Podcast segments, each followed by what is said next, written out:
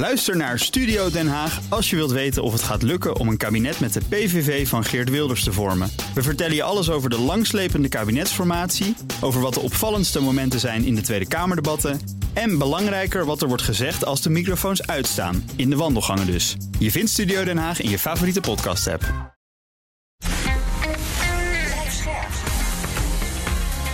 BNR Nieuwsradio. Boekenstein en de Wijk. Hugo Reitsma. Dit is een extra uitzending van Boekenstein en de Wijk in verband met de oorlog in Oekraïne en de crisis met Rusland. Het is dinsdag, dag 104 van de invasie. Arjan. Nou, laten we maar in Severodonetsk weer beginnen. Hè? Er staat nu in de internationale kranten dat uh, Oekraïne weer wat teruggeduwd is. Nou, we moeten eventjes weer de geschiedenis. Uh, gisteren zeiden we dus dat Oekraïne weer wat uh, was, een pushback had gehad. Hè? En daarvoor uh, werd er, maar er was ook een bericht van één Oekraïense man die zei van ja, wij, wij scheppen wel eens een beetje op als Zelensky een redenvoering moet houden. Huh. En dat brengt tot het probleem, wat kunnen we nou eigenlijk nog geloven en wat kunnen we niet geloven? Ja, ik denk dat dit uh, wel redelijk is om uh, de van, waren gisteren ook wel heel erg voorzichtig. Van als ze wat hebben gewonnen, dan is dat echt een vlindertje van dat hele gebied. wat redelijk zeker lijkt te zijn, hè, je hoort het al lijkt te zijn. Uh, is dat ze nog steeds de Azot uh, kunstmestfabriek uh, onder controle hebben, de Oekraïners. Maar voor de rest wordt het wel lastig hoor. En Zelensky, niet onbelangrijk, die heeft ook gezegd: in dit gebied is Rusland sowieso numeriek in het voordeel.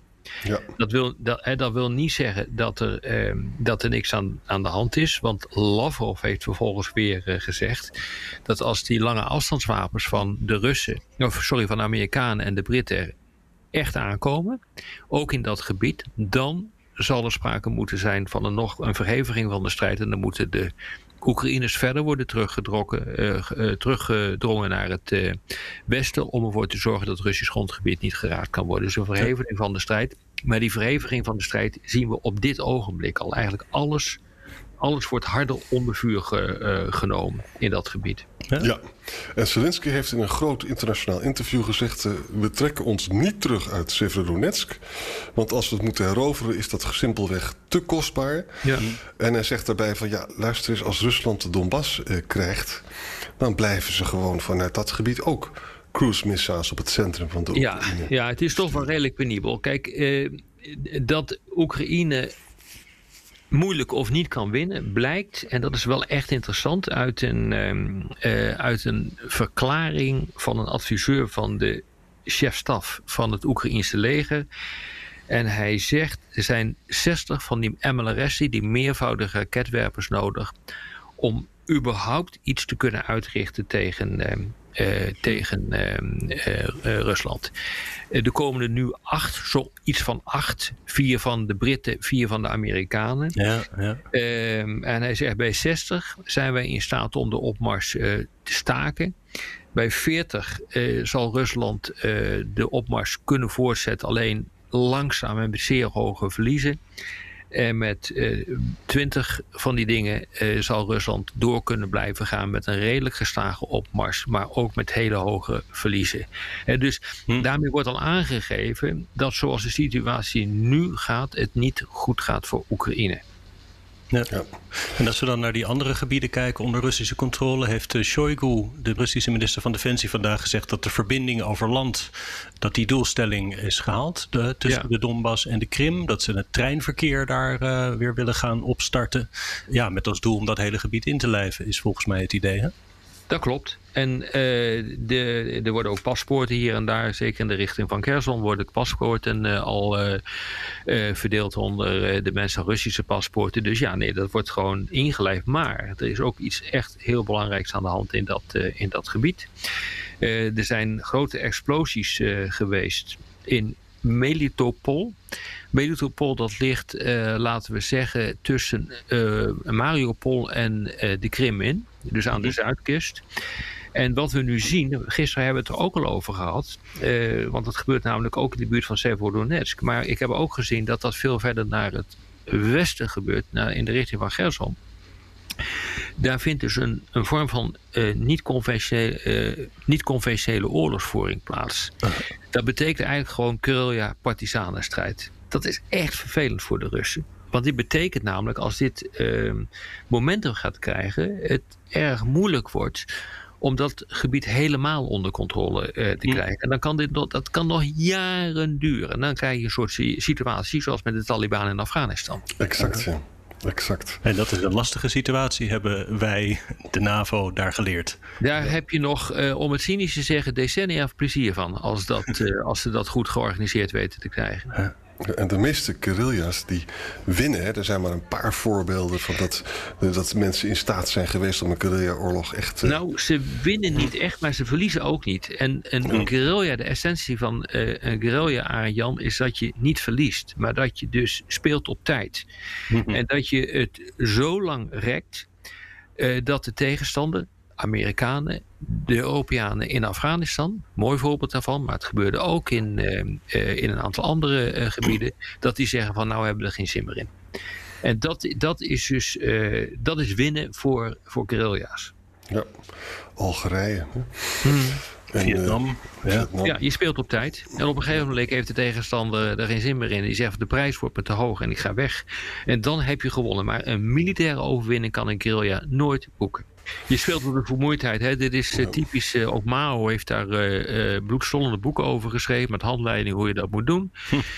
Mao heeft ook gezegd: van als je een guerrilla begint, dan kan je de boel ontregelen. Je kunt de tegenstander het leven zuur maken. Maar je kunt nooit winnen. Als je dat wilt doen, heb je een reguliere strijdkracht nodig. En van het type dat nu op dit ogenblik door Oekraïne wordt ingezet in de strijd. Nou, bijvoorbeeld bij Severodonetsk. Ja. Arjan, je had nog een geweldig verhaal over de zware wapens daar die de Oekraïners ja. nu krijgen? Ja, er staat, er staat dus een heel stuk in de New York Times over uh, jongens die met wapens bezig zijn. Hè. Die, die training voor die nieuwe wapens gebeurt buiten de Oekraïne. En dan leiden ze mensen op en dan gaan die Oekraïners gaan het front langs om al die jongens op de hoogte te stellen van welke knoppen je moet indrukken, om het zo maar eens te zeggen. Ja.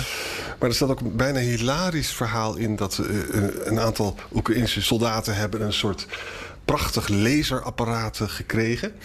Uh, en dan zitten ze, ze hebben dus het, het boekje in, in de Google Translate gegooid. Dus 115 pagina's. Maar er mist een video nog. En, en ook nog iets anders. Ze, ze, ze hebben grote problemen. En trouwens ook met die panzerhouwitsers. Dat gaat best wat kapot, hè? Ja. En dan heb je een onderdeel nodig en zo. Dus dat is allemaal niet zo eenvoudig. Nee, die logistiek moet natuurlijk... Uh, dat wordt iedere keer maar vergeten. Wij hebben het er eigenlijk ook nooit over gehad. Hè? Ik bedoel, ja. op het moment dat je wapens gaat sturen... heb je ook een logistieke trein nodig. Om munitie, onderdelen en wat dan ook... Uh, naar uh, het, het gevechtsterrein te sturen. En dat is allemaal kwetsbaar. Ja, daar kunnen de Russen ook van meepraten. Ja, exact. Er hoeft maar één chip het niet te doen, bij wijze van spreken. En het is klaar. Oké, okay, in Mariupol, jongens, het is natuurlijk helemaal kapot. Riolering is kapot. De lijken liggen te rotten in de, in de straat. Uh, en uh, de, er is een groot risico nu op uh, cholera. En daar, wonen, daar zitten nog steeds tienduizenden mensen die geen toegang hebben tot schoon water. Hmm. Het is gewoon een hel op aarde daar. Ik ben benieuwd of het nou Oekraïners of Russen zijn. Ja, want het is een stad die voor de helft, als ik het goed citeer uit mijn hoofd, gevuld was met, uh, uh, met Russen. Mm. Je zou denken dat de Oekraïners weg zijn. Dat zouden we eens een keer moeten uitzoeken. Dat is wel interessant hoor, om dat te weten. Wat zijn er voor mensen die zijn achtergebleven? Ik las dus berichten vroeger dat er dus oude dametjes en oude heren... die hadden dus geen auto en die zaten dan nog vast in zo'n appartement. Ja, dat wil ik best geloven. Vond ik zo'n verschrikkelijke gedachte. Ja. Ja. Wat overigens ook nog wel een, een, een, ding is, wie ook die zogenaamde Russische soldaten zijn. Hè? Ik bedoel, uh, ik zag laatst ergens een filmpje van wat Russische soldaten die zaten te lunchen in de Donbass. Nou, daar zat geen etnische Rus bij. Dat waren allemaal mensen die ergens ver uit Siberië kwamen. En er worden ook heel veel Oekraïners, pro-Russische Oekraïners ingezet. Zeker. Dus dat zou ook een reden kunnen zijn waarom Poetin niet zo wakker ligt van uh, een hoop doden aan Zeker. zogenaamd Russische zijde. Want er zitten heel weinig mensen uit uh, Moskou of Sint-Petersburg tussen. Ja, nee, er is gisteren of eergisteren is er ook weer een generaal om het leven te, uh, gekomen. Maar na, zijn naam is mij even ontschoten. Maar er was ook een commandant van een, van een, een, een eenheid samengesteld van uh, strijders uit de Donbass. Dus nee, dat gebeurt inderdaad. En we weten ook dat de Tsjetsjenen niet al te handig hebben geopereerd in Severodonetsk. En die zijn ook teruggeslagen, naar het schijnt. Maar we moeten zeggen, van, de, de, de informatie, we moeten het echt doen met snippers informatie. Ja. En dan vullen we dat zelf aan met, met onze eigen kennis. maar het is wel uh, nou ja, goed, of dat helemaal klopt, weet ik niet. Maar dat is wel wat je voor op een aantal plekken gewoon hoort. Ja. ja. Hm. Nou, Shoku heeft gezegd dat. Uh, even kijken, Rusland heeft nu 6489 Oekraïnse soldaten gevangen genomen. En Zelensky bevestigde vandaag dat 2500 soldaten uit Azovstal zich hebben overgegeven. Ik denk dat dat eerder is gebeurd hoor. Ja, maar, maar dat, staat dat is echt veel. Hè? Want wij dachten dat, dat, er, dat er duizend zaten vanuit onze berichten die wij, eh, die wij kregen. Maar dat is echt heel veel. Hè? Heb je toch ook een uh, cijfer, Arend Jan... Uh, uh, gecirculeerd over hoeveel uh, doden en gewonden er zijn. ja, 40.000 Oekraïners dood of gewond. En, en 3 miljoen Oekraïners leven onder Russische bezetting. Het zijn ongelooflijke getallen. Ja, ja die 40.000 doden en gewonden. Ik zat uh, het, het, even op de achterkant van de sigarendoos, hoewel ik niet rook, te berekenen toen ik Zelensky hoorde. 100 doden per dag, 450 tot 500 gewonden per dag. Uh, nou ja, de eerste, eerste maand is er natuurlijk weinig gebeurd. Maar als je dat allemaal bij elkaar optelt en je middelt dat. Dan kom je inderdaad op dit, uh, dit soort getallen uit. Dus um, dit is wel redelijk consistent met wat hij heeft gezegd. En wat ik ook uh, heb, uh, heb gehoord uit zijn mond. En kan je op basis daarvan nog een gok doen voor wat ze nog over hebben? Ja, dat zou, ja, ja, dit is wel veel hoor. Want het zou betekenen dat ze zijn begonnen met iets van 190.000 soldaten. Uh, dat er nu nog 150.000 over zijn. Maar dat zegt ook niet alles. Uh, want uh, als een unit, een eenheid, een, een bataljonsgroep met grote verliezen te kampen heeft, ehm, ja, dan is hij feitelijk niet meer inzetbaar.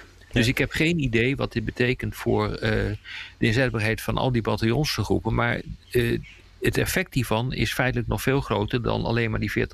Ja, ja, ja, Bij de Vietnamoorlog waren er gemiddeld 50 doden per dag. Ja, nee, dit gaat echt uh, dit gaat van dik hout zagen aan plank hoor. Dit is echt, uh, dit is echt heel verschrikkelijk wat hier gebeurt.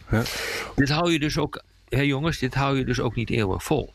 Op deze manier, met deze, dat hebben we ook al e-, eerder gezegd, maar dit hou je gewoon niet eerder vol. Je, dit gaat te hard. Ja.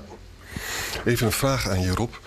Stel je voor, dat die zware wapenleveranties komen straks aan over drie weken en ze zijn getraind. Hè? En vervolgens, eh, ja, Oekraïne kan een beetje vooruitgang maken en dan ontstaat er weer een padstelling. Hè? Dan blijft ja. Zelensky dus vragen om nog meer wapens.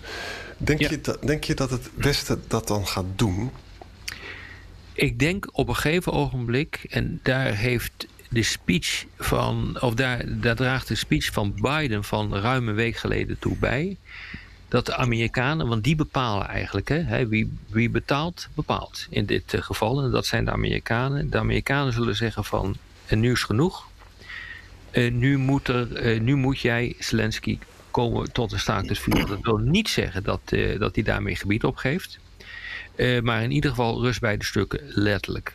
Hm. Het zou mij niet verbazen omdat als je hier niet uitkomt, eh, dan wordt de schade eigenlijk alleen maar groter. Op het moment dat de Donbass eh, geheel of gedeeltelijk is ingenomen, tot nu toe lijkt het erop dat ze alleen de provincie, ehm, eh, wat is het, Luhansk kunnen, kunnen pakken. ja, dan is er een natuurlijk moment om, om tot de staakt het vuren te komen. En het zou me ook niet verbazen als de Amerikanen daarop uh, daarop aansturen. Het hm. zou mij niet verbazen, want je kunt niet eeuwig hiermee doorgaan. Ja. Eh, ze, hebben natuurlijk nog wel een hoop reservepersoneel. Maar dit zijn wel echt astronomische aantallen hoor. Even voor onze luisteraars. Rob bedoelt niet dat hij dat wil, maar hij analyseert dat. Dat is belangrijk om het even te ja, onderscheiden. Nee, nou, dat is wat wij hier altijd doen. En uh, voor de mensen die vinden wat er moet gaan gebeuren, dan moet je eigenlijk bij iemand anders zijn. Juist. Dan nog even nog één punt dat wel belangrijk is. Duitsland steunt de Baltische ijs om in elke Baltische staat het bataljon van 1000 man te verhogen naar een brigade tussen de 3000 en 5000. Ja, dat is, wat, ja, dat is wat ze willen. Toen ik in Tallinn was, was dat ook de eis die door de minister van Defensie op tafel werd gelegd. Ja, dat klopt. Zou ze liever nog groter worden hoor. Er zitten nu 1600 uh, militairen, las ik. Ja, ja dan ga je naar 3000. Of iets dergelijks. Ja. We zijn er, jongens. Ja. Volgens mij kan jij een feestje gaan vieren, Arjan, toch? Ja. ja. Ik ga een feestje vieren. Ja. Nou, moet je wel even zeggen waarom. Want we hebben, um, voor de uitzending hebben wij al, al uitvoerig gefeliciteerd. Hij is namelijk... Ik ben genomineerd en geworden uh, docent van het jaar. Ah, nou ja, dat is toch echt een, uh, een geweldige prestatie. Door de studenten van en ik kan me ook University College in Utrecht. Ja? Ik zit hier met een jacket met allemaal de medailles op. Ja. en allemaal taartvlekken waarschijnlijk. Ja, ja. Zo trots als een Russische generaal. Als je wat ouder wordt. Ja. nou, gefeliciteerd Arjan. En wij genieten ook elke dag van je college. Ja. Oké. Tot morgen. Tot morgen. Ook Bas van Werven vind je in de BNR-app. Ja, je kunt live naar mij en Iwan luisteren tijdens de ochtendspits. Je krijgt een melding van Breaking News. En niet alleen onze podcast Ochtendnieuws, maar alle BNR-podcasts vind je in de app. Download nu de gratis BNR-app en blijf scherp.